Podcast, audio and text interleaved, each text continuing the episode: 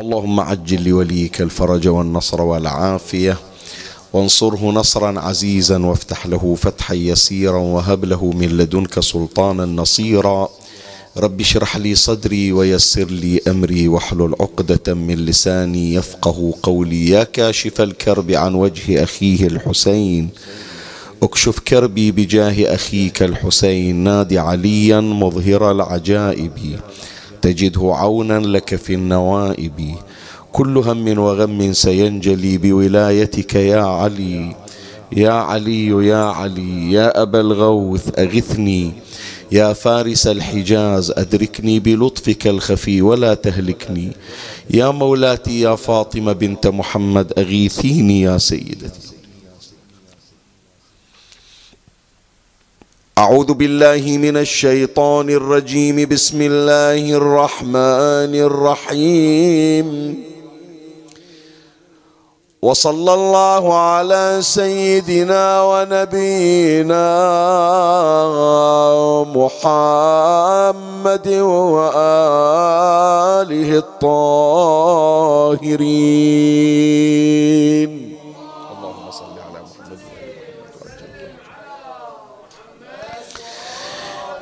إن الله وملائكته يصلون على النبي. يا أيها الذين آمنوا صلوا عليه وسلموا تسليما.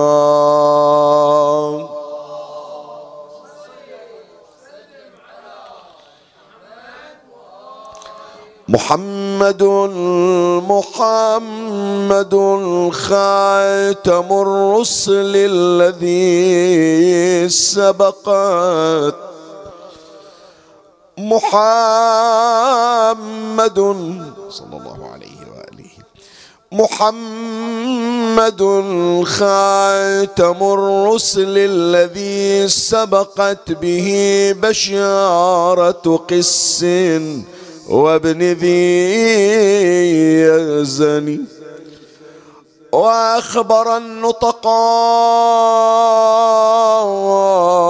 العارفون بما يكون من أمره والطهر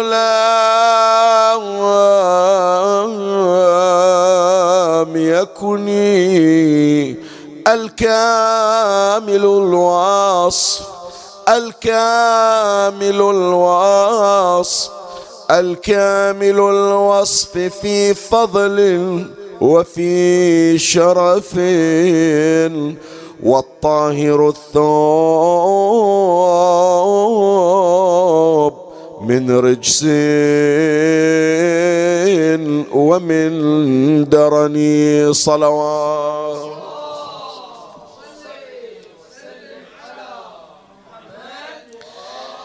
أعوذ بالله من الشيطان الرجيم. بسم الله الرحمن الرحيم. هو الذي بعث في الأمين رسولا منهم يتلو عليهم آياته ويزكيهم. ويعلمهم الكتاب والحكمة وإن كانوا من قبل لفي ضلال مبين. آمنا بالله. صدق الله مولانا العلي العظيم. هذه الآية الشريفة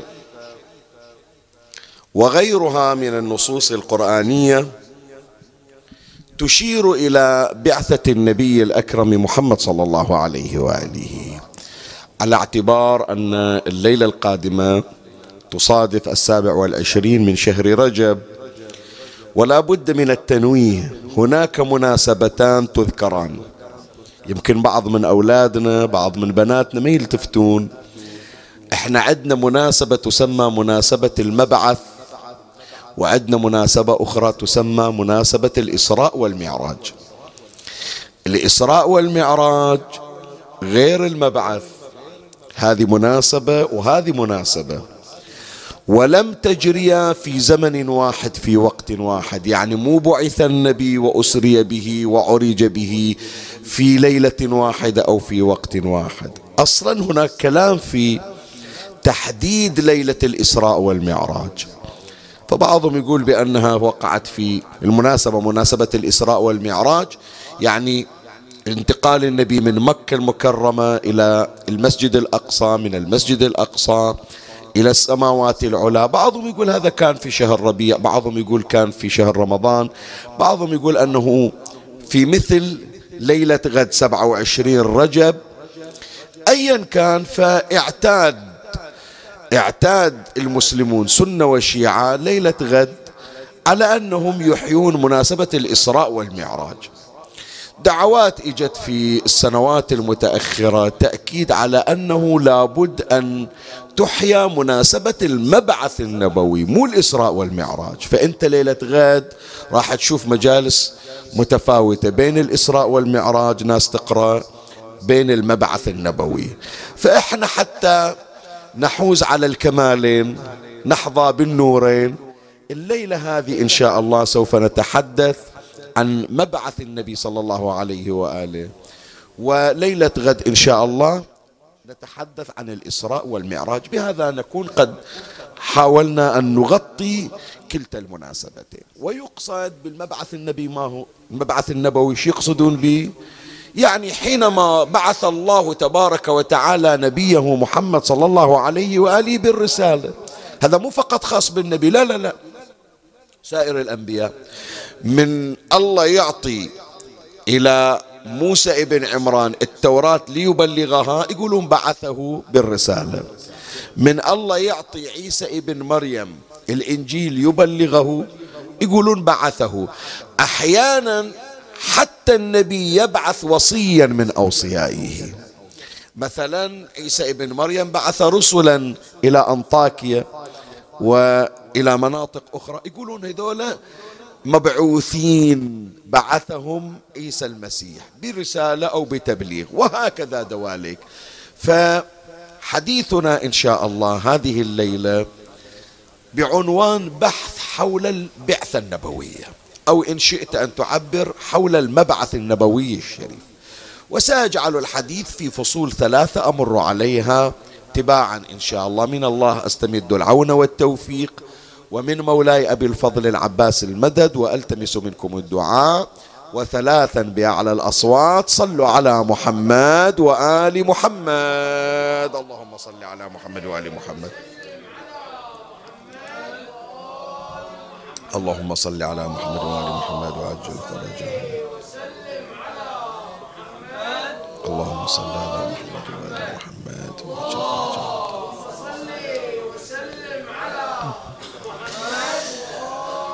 مولاي الكريم أنت اسمعني وفرغ لي قلبك وأعرني سمعك وأقبل علي بكلك.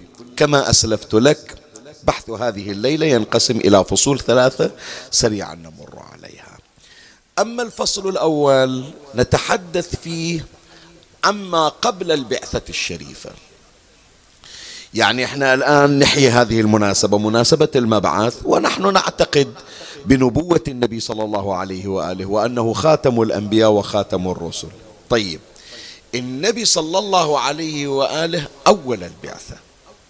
يعني خلي فقط أقرب لك الصورة لأولادنا حتى يعرفون إيش نقصد. جبرائيل ينزل على النبي صلى الله عليه وآله بالرسالة السماوية بالقرآن الكريم. الآن ابتدأ النبي صلى الله عليه وآله لمدة ثلاث سنوات يدعو الناس سرا إلى الإسلام. قبل هالليلة أو قبل هالليالي يعني قبل سبعة وعشرين رجب هل كان الناس مهيئين لدعوة النبي لبعثة النبي؟ يعرفون النبي على أنه نبي آخر الزمان رسول آخر الزمان. لو كانوا متفاجئين ومصدومين. أول ما إجا النبي إلهم قال لهم ترى أنا نبي وإجاني وحي من السماء ونزل علي ملك اسمه جبرائيل وهو يحمل رسالة عنوانها القرآن وأنا جاي أدعوكم إلى التوحيد. قولوا لا إله إلا الله. هل تفاجؤوا؟ هل اصطدموا؟ شوية هذه تحتاج إلى تأمل. لأنه لا يخفاكم أتمنى يعني أولادي الآن وبناتي اللي قاعدين يتابعون المجلس يركزون تماما في هذا الكلام. لأن اللي يلقنون إلى العقول حتى إحنا يوم إحنا صغار من خلال ما تلقيناه في المدارس والمناهج الدراسية ومن خلال حتى اللي نشوفه مثلا في المسلسلات أو في الأفلام عن بعثة النبي. تبين لنا الحكاية بأن النبي كان مصدوم وكان متفاجئ. ويوم نزل عليه جبرائيل ما عرف وكل مرة يقول له اقرأ والكلمة الشهيرة شنو؟ ما أنا بقارئ هذه إلي شغل فيها في الفصل الثاني. أنا الآن أجيب لك اللي حافظينه من يوم إحنا صغار وراح نبين الواقع ما هو.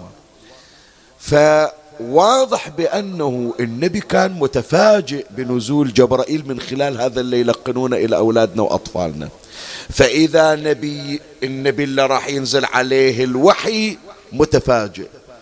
شلون المشركين اللي كانوا يسجدون إلى أصنام يعبدون أصنام؟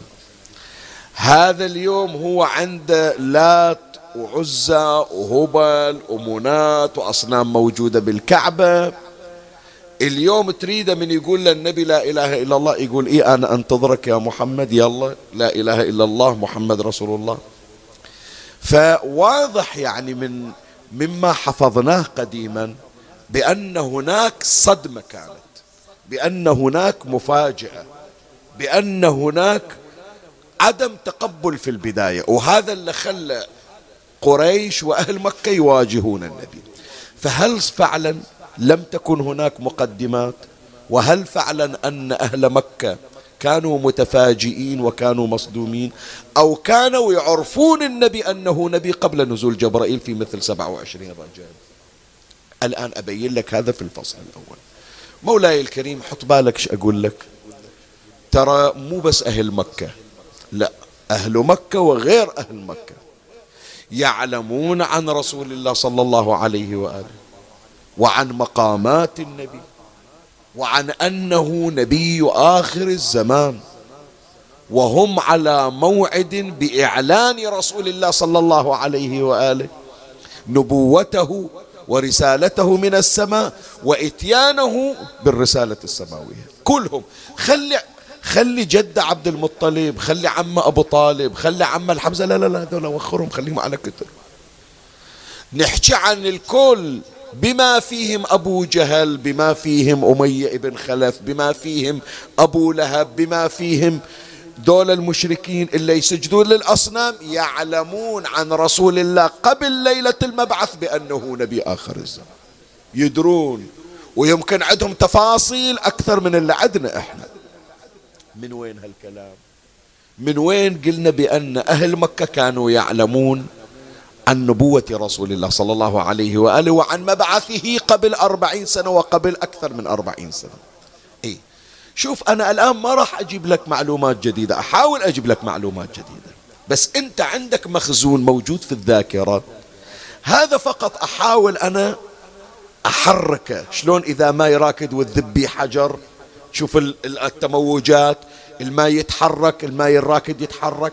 الآن المعلومات اللي بذهنك أريد أنعشها من جديد. وأسترجع لك معلومات قديمة تكتشف بأنه ذولا كانوا يدرون بأنه نبي وينتظرون النبي أصلا. لكن صارت منعطفات وتحولات وتغيرات. شلون؟ أولا من الأمور التي مهدت إلى إلى قدوم رسول الله صلى الله عليه وآله يسمونها الإرهاصات. إرهاصات يعني شنو إرهاصات؟ إرهاصات يقصدون بها أنه إخبارات سابقة تهيئ الناس. مثلا شوف أنت جنابك الآن الليلة هذا عندنا مجلس تعزية. جنابك تطرش إعلان قبل يومين ثلاثة ترى ليلة الاثنين عندنا مجلس عقب وفاة الإمام الكاظم في المجلس. هذا الإعلان يسمونه إرهاص يعني إخبار يعني يكون تحضر نفسك حتى تجي.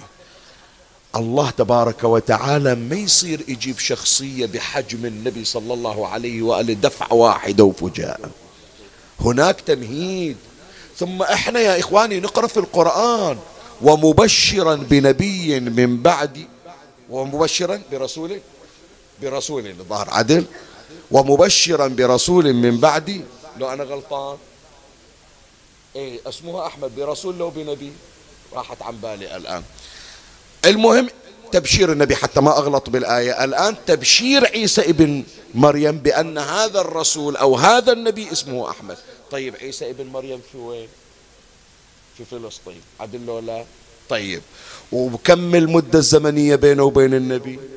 خمسمية سنة على الأقل. فاللي عنده تبشير في فلسطين قبل خمسمية سنة يصير يخلون الديرة اللي راح يطلع بها النبي ما يبشرونهم ويخبرونهم. شلون يصير يا جماعة؟ أي منطقة أولى أن تكون مبشرة وعارفة وعالمة بقدومه ومهيئة له المنطقة البعيدة لو المنطقة القريبة. المفروض القريبة تكون مهيئة قبل فلسطين وغير فلسطين. فلهذا شوف من تجي يعني هذا الآن أحكي لك عشرة أيام قبل بس مو أكثر عشرة أيام 12 يوم. سيدتنا فاطمة بنت أسد لما جاءت حول الكعبة حتى تنشق وتدخل إلى الكعبة فتضع بعلي عليه السلام. قالت اللهم إني آمنت بك وبكتبك وبرسلك وجميع و اللهم إني آمنت بك وبأنبيائك ورسلك وملائكتك وجميع كتبك. وإني على دين جدي إبراهيم. وآمنت بنبيك محمد صلى الله عليه وآله. فأسألك بحق البيت ومن بناه إلا ما يسرت. زين هذا هذا بعد ما بعث النبي جاهزة فاطمة بنت أسد. زين ليش؟ لأنها مبشرة. وحجم التبشير اللي عند فاطمة بنت أسد وعند أهل مكة أكثر من غيرها من المناطق. فإذا هناك إخبارات وهناك اللي يعبرون عنها إرهاصات هيأت نفوس الناس لتلقي واستقبال بعثة النبي صلى الله عليه وآله. خلي أذكر لك نموذجين. نموذجين من هذه الإرهاصات أو التبشيرات أو التهيئة النفسية التي سبقت بعثة النبي صلى الله عليه وآله. أول إرهاص وهذه كلها قرائن دلالة يعني من تطلع قبل سنوات من بعثة النبي حتى من يعتقدون بها شافوها. هاي العلامة شافوها خلاص عرفوا بأنه النبي قادم. الآن جنابك لو تعقد المجلس من غير ما تخبر الناس يقولوا ما درينا إحنا قر... عنكم قريتون صحيح لو لا؟ لكن عمي لما الإعلان في كل مكان بالتلفزيون بالإنستغرام بالشوارع البنارات الناس كل واحد يتناقل فواحد من يقول لك أنا ما دريت عمي ما ظل مكان ما خلينا إعلان. شنو ما دريت؟ سماعات تشتغل إعلانات موجودة بوسترات موجودة برودكاستات بالواتساب موجودة الناس كلها تدري معنى. اكو واحد يا جماعة شايف لك واحد سؤال اسأل حجي. شايف لك واحد ليلة سابع محرم يقول ما دريت إنه محرم هل لو ما هل علينا؟ وين هذا؟ شو تقول يعني؟ يقولون له وين عايش أنت؟ حتى لو بغيبوبة تدري. زين؟ بينما حوادث قدوم النبي صلى الله عليه وآله طبقت المشرق والمغرب. فما حد ينكر أن شخصية مهمة سوف تأتي بعد أربعين سنة. خلي أذكر لك الرواية التي أخبرت عن الإرهاصات والتبشيرات بقدوم النبي صلى الله عليه وآله الرواية عن الإمام الصادق عليه السلام. يذكرها العلامة المجلسي على الله مقامه في الجزء الخمسة عشر من بحار الأنوار صفحة 257 قال الإمام الصادق صلوات الله عليه كان إبليس لعن, لعن الله إبليس. يخترق السماوات السبع فلما ولد عيسى عليه السلام حجب عن ثلاث سماوات وكان يخترق أربع سماوات. فلما ولد رسول الله صلى الله عليه وآله حجب عن السبع كلها يعني سابقا يوصل إلى السماء السابعة. ولد عيسى خلوه بس يوصل إلى أربع سماوات. من ولد النبي صلى الله عليه وآله؟ أصلا ما يقدر يطلع بعد أكثر. ورميت الشياطين بالنجوم. وقالت قريش حط بالك عبارة وقالت قريش. وقالت قريش هذا قيام الساعة الذي كنا نسمع أهل الكتاب يذكرونه وقال عمرو بن أمية وكان من أزجر أهل الجاهلية يعني يعتمدون على كلامه. انظروا هذه النجوم التي يهتدى بها ويعرف بها أزمان ويعرف بها أزمان الشتاء والصيف. فإن كان رمي بها فهو هلاك كل شيء. وإن كانت ثبتت ورمي بغيرها فهو أمر حدث. اسمع الآن راح تسمع يوم ولادة النبي صار؟ وأصبحت الإمام الصادق يقول وأصبحت الأصنام كلها صبيحة ولد النبي صلى الله عليه وآله ليس منها صنم إلا وهو منكب على وجه. 360 صنم بالكعبة. إحجار. إحجار ضخمة تحتاج إلى تكسير كسرها. علي بن أبي طالب. لكن يوم ولادة النبي 360 صنم كل صنم طايح على وجهه. هذه واحدة من العلامات. الإمام يقول وأصبحت الأصنام كلها صبيحة ولد النبي صلى الله عليه وآله ليس منها صنم إلا وهو منكب على وجهه. وارتجس في تلك الليلة يعني ليلة ولادة النبي إيوان كسرى.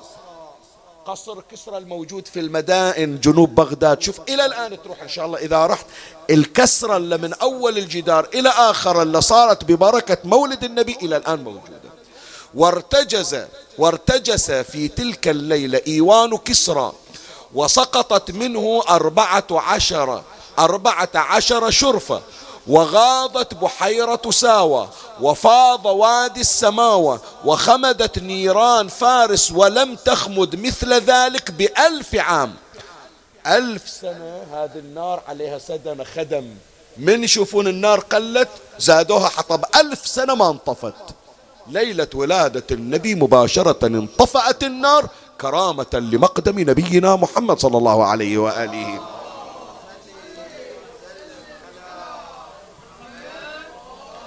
وخمدت نيران فارس ولم تخمد مثل ذلك بألف عام.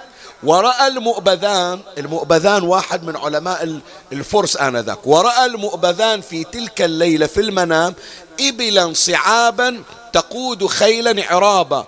قد قطعت دجلة وانسربت في بلادهم يعني في بلاد العجم في بلاد فارس. وانقسم طاق الملك كسرى من وسطه.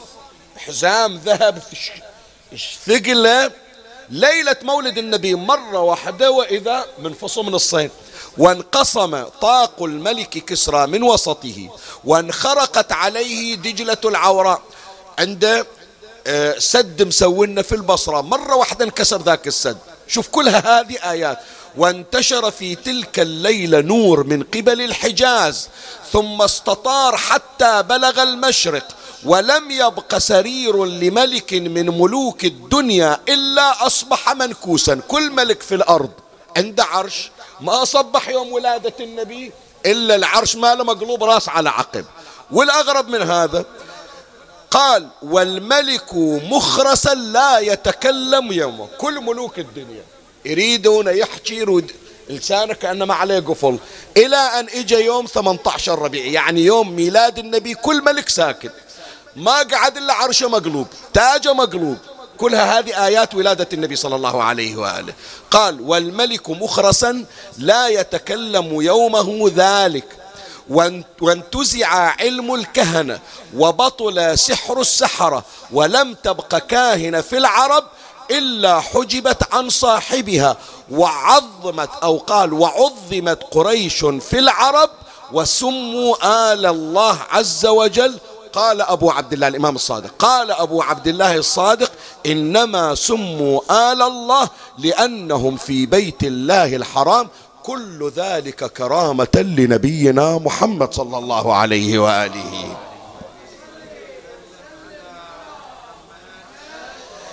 فعمي من ليلة ميلاد النبي صلى الله عليه وآله. هذه العلامات العالمية مو العالمية الكونية حتى يدرون بأن الشياطين صارت ما تصعد للسماء من ذيك الليلة. وقريش صارت مميزة على العرب من ليلة ميلاد النبي. يعرفون بأن هلا ولد نبي سوف يأتي بالنبوة والرسالة عاد متى ما يدرون. لكن من ليلة ميلاد النبي هم مهيئين لاستقباله كنبي ورسول. فعمي لا يخطر ببالك بأنه النبي من إجا قال لهم قولوا لا إله إلا الله. تفاجأوا قالوا محمد إيش صاير فيه؟ لا محضرين ومهيئين والسماء مشتغلة على مقام النبي صلى الله عليه وسلم. هي واحدة من الإرهاصات والتبشيرات. هذه طبعا مر عليكم بمولد النبي مر عليكم. إلا قليل يذكر مع الأسف. وهذه قلت لك بعض من المعلومات موجودة بالذاكرة. لكن نحتاج فقط أنه نرد نرتب الأوراق ونهيئ عقولنا حتى نعرف المبعث وأسرار المبعث. أكو ملك من الملوك قبل ولادة النبي صلى الله عليه وآله في اليمن يسمونه سيف ابن ذي يزن. هذا ملك من ملوك اليمن.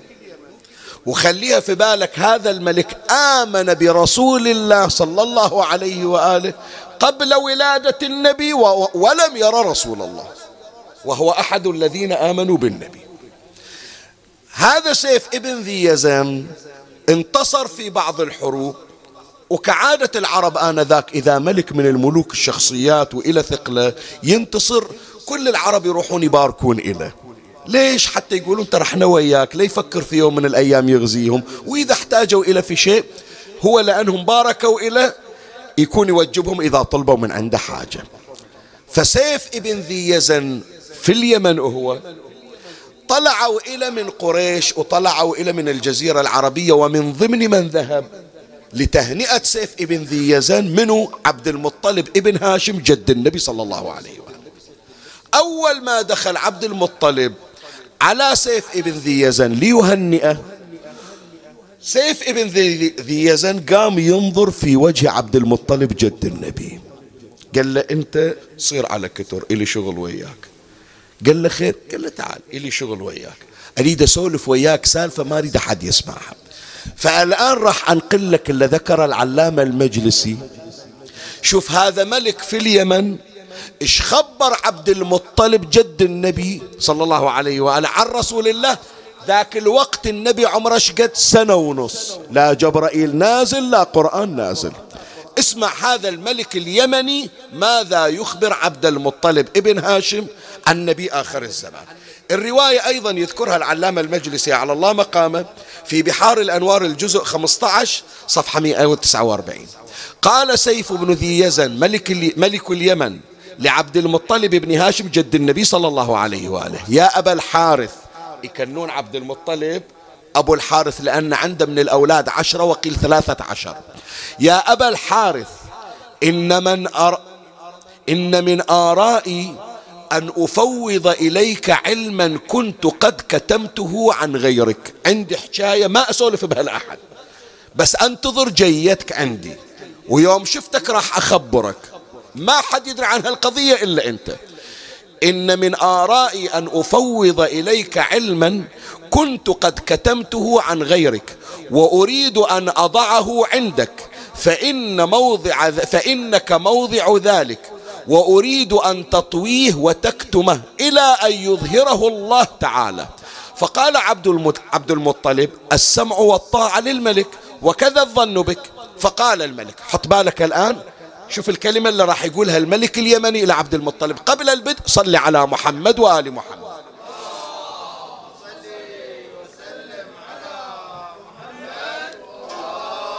أقرأها على راحة حتى تتأمل بها فقال الملك اعلم يا أبا الحارث أن بأرضكم غلاما حسن الوجه والبدن جميل القد والقامة. بين كتفيه شاما المبعوث من تهامة.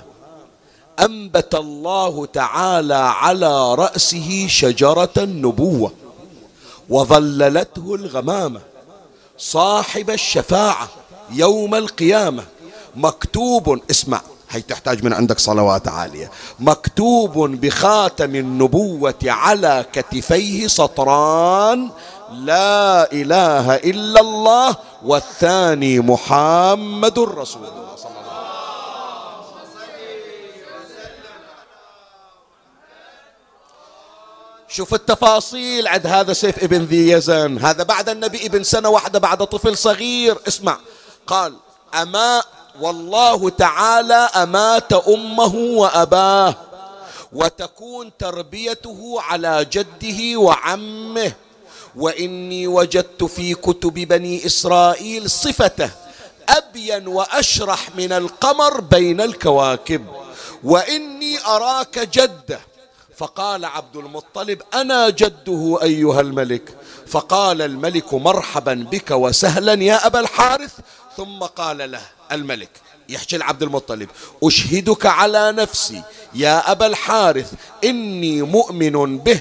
وبما يأتي به من عند ربه ثم تأوه سيف ثلاث مرات بأن يراه فكان ينصره وينظره. ثلاث مرات يقول آه يا ريت ألحق عليه وأنصره وأوقف وياه بالحروب. وما مات سيف ابن ذي يزن إلا وهو مؤمن بنبوة نبينا محمد صلى الله عليه وآله.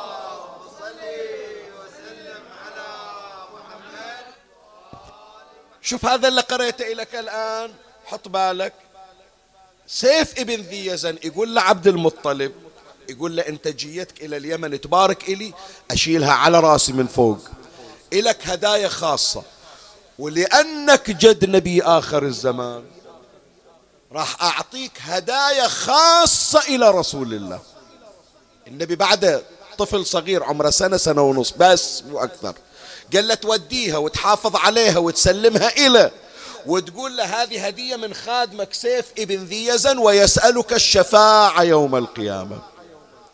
فأعطى سيف ابن ذي يزن عبد المطلب جد النبي مجموعة من الهدايا. إيش أعطاه ناقة النبي العظباء فرس النبي ويسمى المرتجز. سيف النبي عمامة خاصة كلها هدايا. هذه الناقة الله مد في عمرها وهي الناقة التي صعد عليها الحسين في يوم عاشوراء. وهو الفرس الذي صعد عليه الحسين. شوف الله طول بعمره. ليش بقت هذه الحيوانات على قيد الحياة؟ ناقة النبي فرس النبي. كل هذه ليش؟ حتى يقول لهم ترى أنا لا تظنون جاي فارض نفسي عليكم. إذا أنتم تريدوني ترى أكو ناس من قبل لا أولد. هم ينتظرون ومحضرين لي هدايا حتى تكون علامة على أن خبري قد جاءكم قبل أن أولد. شوف هذه كلها أنت مر عليك ناقة النبي. صعد حسين على ناقة رسول الله العظباء ركب حسين على فرس رسول الله. بعضهم يقول اسمه السحاب وبعضهم يقول المرتجز. هي من تمر عليك ترى هذه من قبل ولادة النبي مجهزة. لأنهم يعتقدون بنبوة النبي صلى الله عليه وآله. فإذا الليلة وليلة باكر من تجيك المحاضرات والمجالس والخطباء والمتكلمون يقول لك بعث الله النبي. أنت تسأل زين قبل البعثة بسنة سنتين. الناس تدري عن النبي لو ما تدري. تعلم. هذا جايب لك شاهدين بس مو أكثر. وإلا يا جماعة بالله عليك أسايلك. النبي قبل البعثة إذا مر والشمس تظلل هل هناك غمامة تظلل على النبي لو ماكو غمامة؟ زين. بعد إذا صاب مكة القحط بمن يتوسلون؟ وأبيض يستسقى الغمام. زي اللي يطلعون يا جماعة في القحط وبس يرفعون تنزل به الماء هذه مي علامات نبوة؟ الغمامة اللي تظلل عليه مي علامة نبوة؟ الكرامات اللي ظهرت للنبي مي علامات نبوة؟ فكانوا يعلمون بأنه نبي. بس ينتظرون. لكن شوف الشيطان إيش سوى. الشيطان يوم اللي اجى النبي وقال قولوا لا إله إلا الله تاليها أقرب الناس إلى وهو عمه أبو لهب تبت يدا أبي لهب. زين فإذا الفصل الأول بينت لك بأن بعثة النبي في سبعة وعشرين شهر رجب كان أهل مكة مستعدين لها. ويعلمون بنبوته. لكن مع الأسف طبع الشيطان على قلوب الكثيرين منهم. هذا الفصل الأول. طيب الفصل الثاني. الليلة وليلة باكر. لازم تصلحون بعض المعلومات اللي مع الأسف حاولوا أن يزوروا قصة بعثة النبي.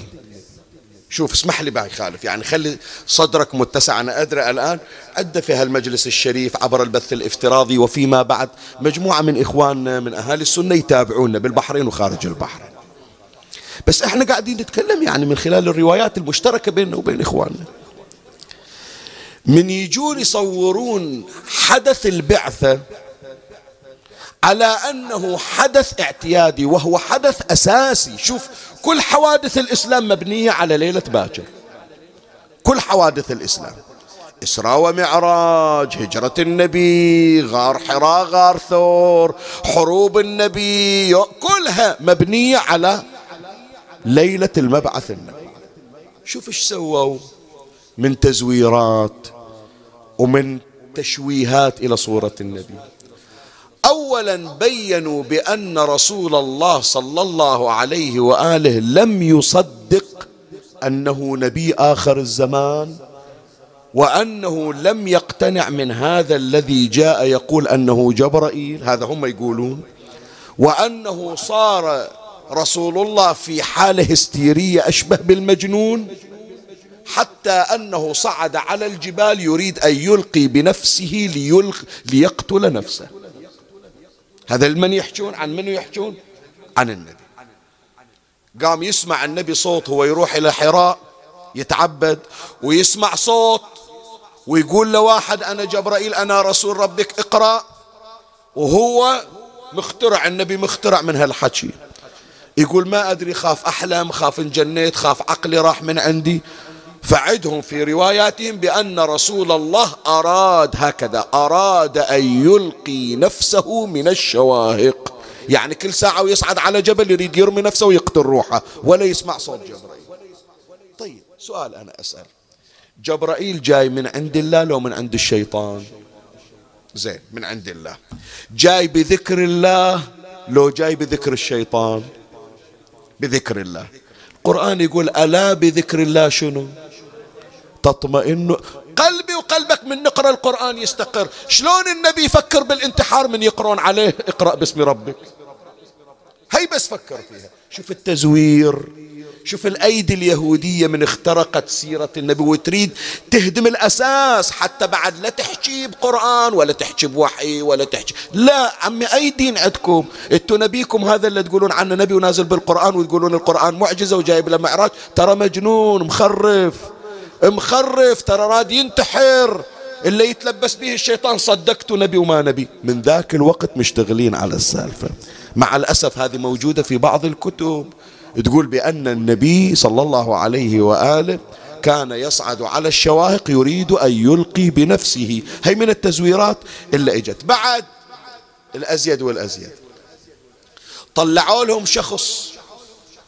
وقالوا رسول الله ما مصدق وقالوا خديجة ما مصدقة ولا أسرة النبي مصدق مصدقين بأنه نبي إلا أقنعهم بأنه نبي آخر الزمان منه.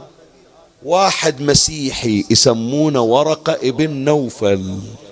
هذا إلى الآن ترى في المسلسلات في الأفلام يجيبونه ومع الأسف يعني في بعض الكتب. يقول إلا خلى النبي يطمئن ولا راحت إلى خديجة بنت خويلد قالت خلي أتأكد أنت تحلم. هذا الصوت اللي إجاك صوت من جبرائيل من السماء لو شيطان الجن طالعين لك يخرعونك. فراحت إلى ورقة ابن نوفل.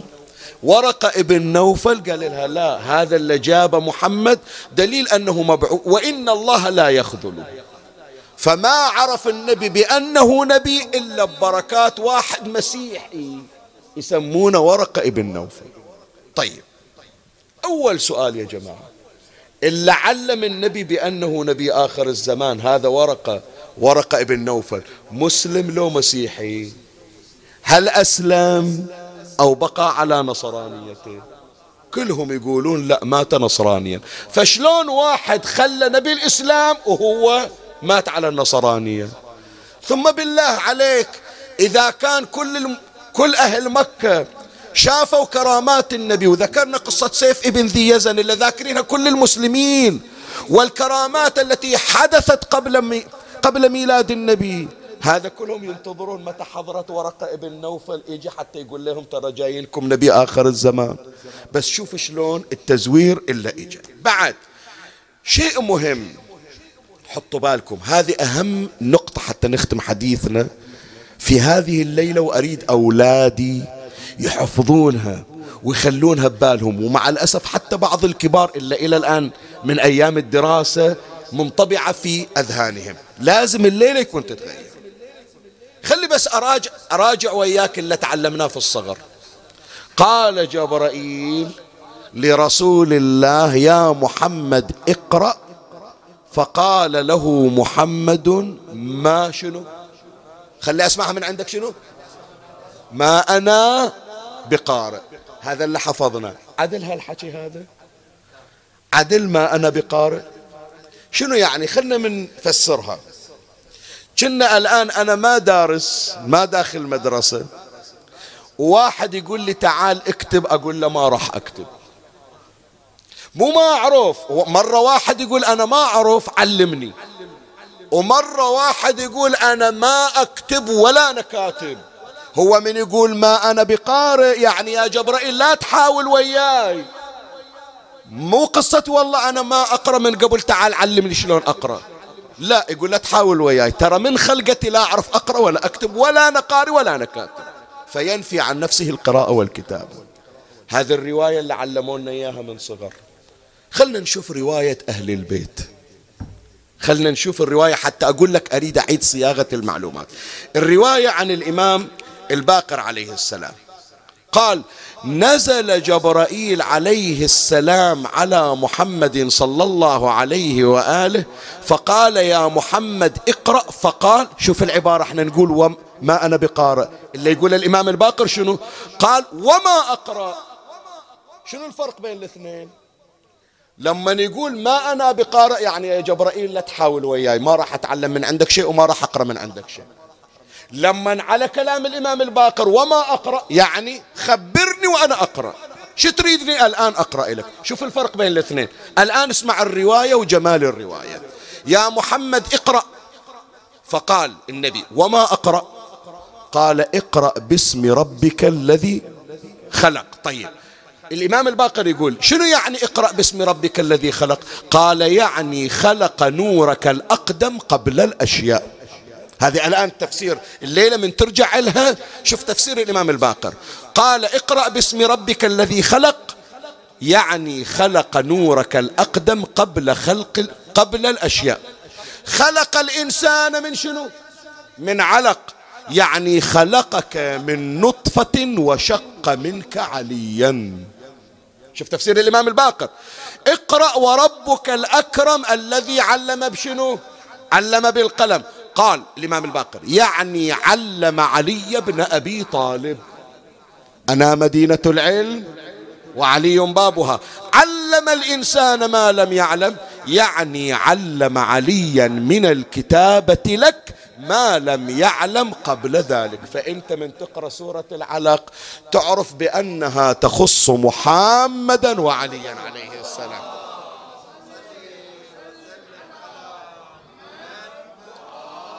شوف التفسير الأول اللي حفظوا لنا إياه وشوف تفسيرات أهل البيت اللي مع الأسف فترة أولادنا ويمكن إحنا ما ندري عنها. التفسير الأول يقول النبي مو بس ما يعرف مو بس جاهل ما يعرف. جاهل ما يعرف وما يريد يتعلم بعد. جبرائيل يقول له اقرأ أنا جاي أعلمك. يقول له لا ما راح أتعلم ما أنا بقارئ. تفسيرات أهل البيت تقول لا جاي جبرائيل من السماء يطمئن قلب النبي. يقول له راح يطلع إلى الكون علوم منكما يا محمد ويا علي وإن الله سيشد أزرك بعلي بن أبي طالب عليه السلام. فليلة باكر ليلة المبعث حتى تعرف شوف سبحان الله هذه مو بالتحضير لكن هذه من الفيوضات. ليلة باكر زيارة أمير المؤمنين الخاصة. المبعث المبعث. وبعد ومن ضمن الزيارات الخاصة يستحب أن يزار رسول الله في وين؟ في وين؟ مو في المدينة زيارة المدينة بروحها. ومن المستحبات زيارة لرسول الله عند أمير المؤمنين علي صحيح لو لا؟ الله يعطينا وإياكم إن شاء الله. ناخذ المبعث هناك عند عند أمير المؤمنين بالنجف إيش جيبها بعضهم يقول كان رحنا المدينة زرنا؟ لأنه في ليلة المبعث شد شد الله بعلي أزر نبينا محمد صلى الله عليه وآله.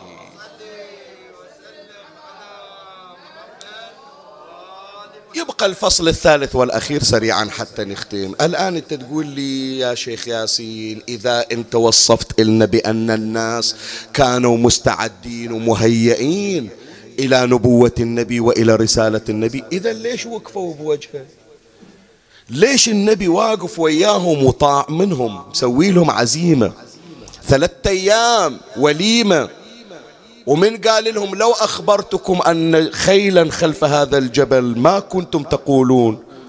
قالوا نقول عنك الصادق الأمين. قال فقد جئتكم بخير الدنيا والآخرة. قولوا لا إله إلا الله. تفلحوا. أول من وقف أبو لهب.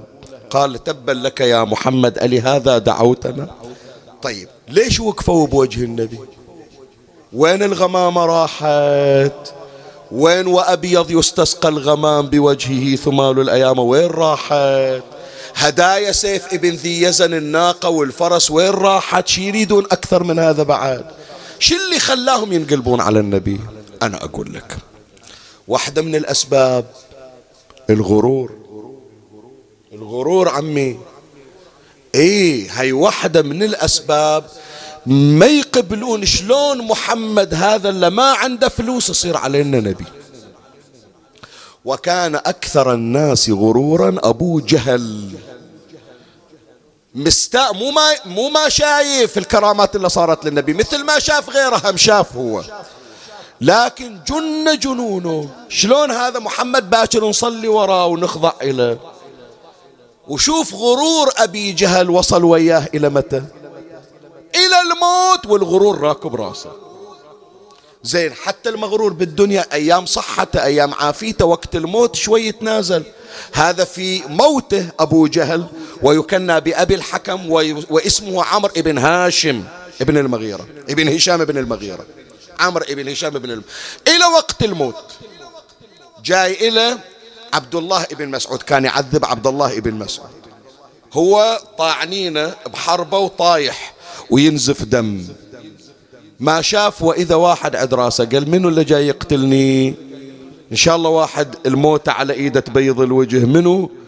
قال عبد الله بن مسعود اللي كنت تعذبه في مكة. قال أنت يا ابن راعية المعزى مع الأسف موتتي على إيدك؟ قال إيه؟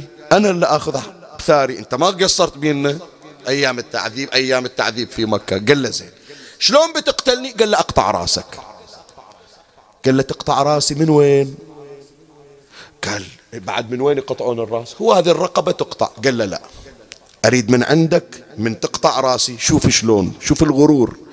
قال له من تقطع رأسي لا تقطع من النحر من الرقبة. قال له وين؟ قال له من الاجتاف يكون تقطعني تقصني من الاجتاف قال له يوجع يأذي قال أدري مؤلم وأتعذب لكن مع ذلك أصبر على الوجع والألم. قال له عاد ليش؟ شنو السبب؟ قال له السبب من يجيبون الرؤوس قدام محمد ويصفونها أريد راسي يطلع أكبر الرؤوس. كل راس منصب على الرقبة على النحر أنا أريد راسي على الأجتاف حتى يصير أعلى الرؤوس فأكبر في عين محمد. شرفك شايف غرور؟ قد هالغرور هذا؟ حتى فرعون ما صار بهالغرور. حتى فرعون ما صار بهالغرور. عمي هذول وين ذيك الحين يخضع ويسجد على على تراب ويطلع من أمواله إلا إلى هالدرجة؟ فهذه كانت من أسباب عدم قبولهم مو لأن ما عندهم علامات يدرون بأن النبي هو الصادق الأمين وأنه مبعوث من السماء لكن غرور اللي زرع بقلوبهم الشيطان. فلهذا أول ما دفنوهم حطوهم في البير. إجا النبي صلى الله عليه وآله وقف على البير قال يا أبا جهل ويا أمية بن خلف ويا فلان ويا فلان أوجدتم ما وعدكم ربكم حقا؟ نفعكم الغرور اللي تارس دماغكم. هذا الآن أقبلتم على الله. شو استفدتوا؟ وين وداكم الغرور؟ فهذا واحد من الأسباب يا جماعة التي جعلت بعثة النبي تتعرقل في الوصول أمام هؤلاء. ليش؟ لأن الغرور حال بين بعثة النبي وأن الوصول إليه غير الغرور شنو؟ الحسد. أكو ناس يا جماعة عشاق النبي وينتظرون رسالة النبي. تدري لو لا وأذكر هالقضية وبعد خلاص أختم مجلسنا أوشك على الانتهاء.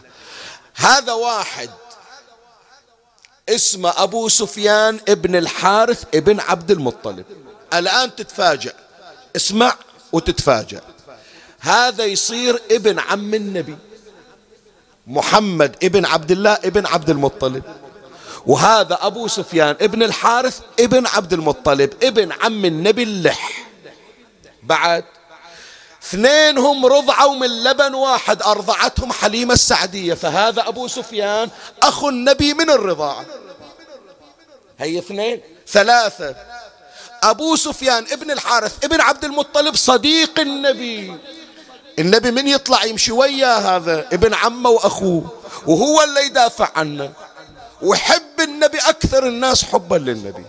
من صاح النبي يقولوا لا إله إلا الله تفلحوا. مع الأسف هذا يصير نبي وأنا لا. شوف الحسد الحسد.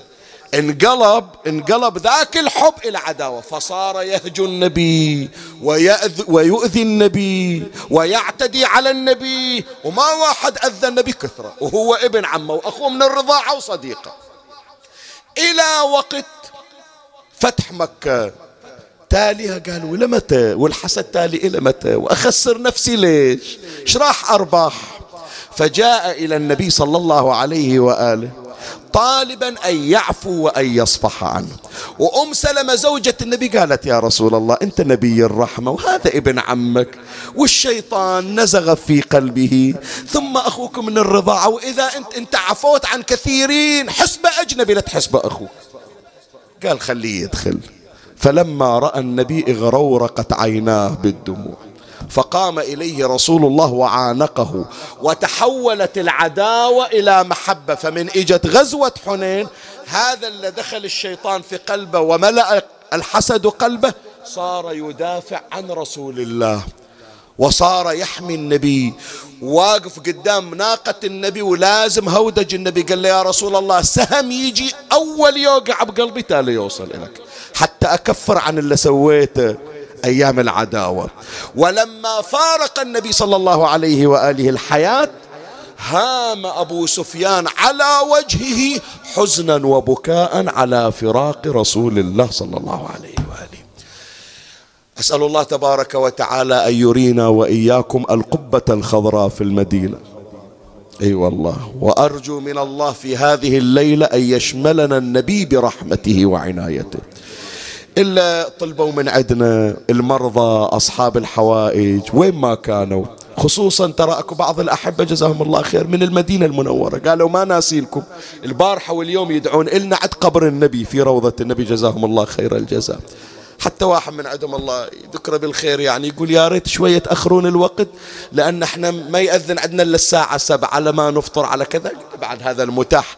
فهم إن شاء الله ويانا في هذا المجلس الشريف. أسأل الله تبارك وتعالى أن يرزقنا وإياكم رؤية وجه رسول الله وأن ينعم علينا بشفاعته ورحمته وأن نبشر بقضاء الحوائج ببركة نبينا محمد.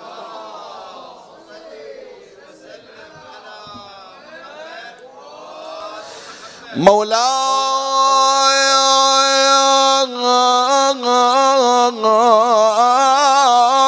يا رسول الله القلب من خوف مولاه على قلقي والوجه منه كمثل الشمس في الأفق. جل الإله الذي سوى من علقي فاق النبيين في خلق وفي خلق. ولم يدانوه في جود ولا كرم صلوات.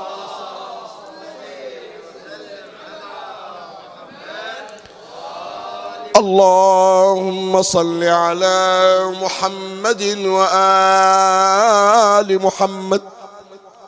ليالي هذه ليالي استجابة الدعاء. ارفعوا أيديكم بالدعاء يا إخواني. شوف ملتزم أنا بهذا الدعاء من أول الشهر إلى آخره إن شاء الله وفي كل الأيام. سر الإمام الجواد وخصوصا في شهر رجب. الغريب شوف من متى مولد الإمام الجواد؟ الآن صار لش قد؟ إلى الآن الرسائل تجي يقول شيخنا كرامات الجواد تطلع لنا يوم بعد يوم. كثير من المرضى كثير من الحوائج المتعسرة بعضهم بالكاظمية بعضهم بالبحرين بعضهم خارج البحرين. قالوا شيخنا بركات الجواد. إن شاء الله نقرأ الدعاء وبركات الجواد وبركات جد النبي تظهر في استجابة الدعاء. اللهم صل على محمد وآل محمد. اللهم إني أسألك بالمولودين في رجب محمد بن علي الثاني وابنه علي بن محمد الملتجب وأتقرب بهما إليك خير القراب يا من إليه المعروف طلب وفيما لديه رغب. أسألك سؤال مقترف مذنب. قد أوثقته ذنوبه وأوبقته عيوبه فطال على الخطايا دؤوب وعلى الرزايا خطوب. يسألك التوبة وحسن الأوبة والنزوع عن الحوبة ومن النار فكاك رقبتي والعفو عما في ربقتك فأنت يا مولاي أعظم أمله وثقته اللهم وأسألك في هذا الشهر في هذا الشهر أن تتغمدني فيه برحمة واسعة. ونعمة واسعة ونفس بما رزقتها قانعة إلى نزول الحافرة ومحل الآخرة وما هي إليه صائرة بمحمد وعترته الطاهرة اقض حوائجنا يا قاضي الحاجات يا مجيب الدعوات يا سامع الشكايات اسمع لنا واستجب يا الله. قدموا حوائجكم أينما كنتم. اللهم بمحمد بعلي بفاطمة بالحسن بالحسين بعلي بمحمد بجعفر بموسى بعلي بمحمد بعلي بالحسن بالحجة ابن الحسن بجاه أم البنين وولدها أبي الفضل العباس ناصر أخيه الحسين. اقض حوائجنا وحوائجهم اشف مرضانا وأمراضنا ومرضاهم. فرج عنا وعنهم عجل فرج إمامنا صاحب العصر والزمان. الرحمن شرفنا برؤيته وارزقنا شرف خدمته. ترحم على أمواتي وأموات الباذلين والسامعين والحاضرين وجميع المؤمنين. أوصل لهم جميعا ثواب هذا المجلس الشريف. وبلغهم ثواب الفاتحة مع الصلوات.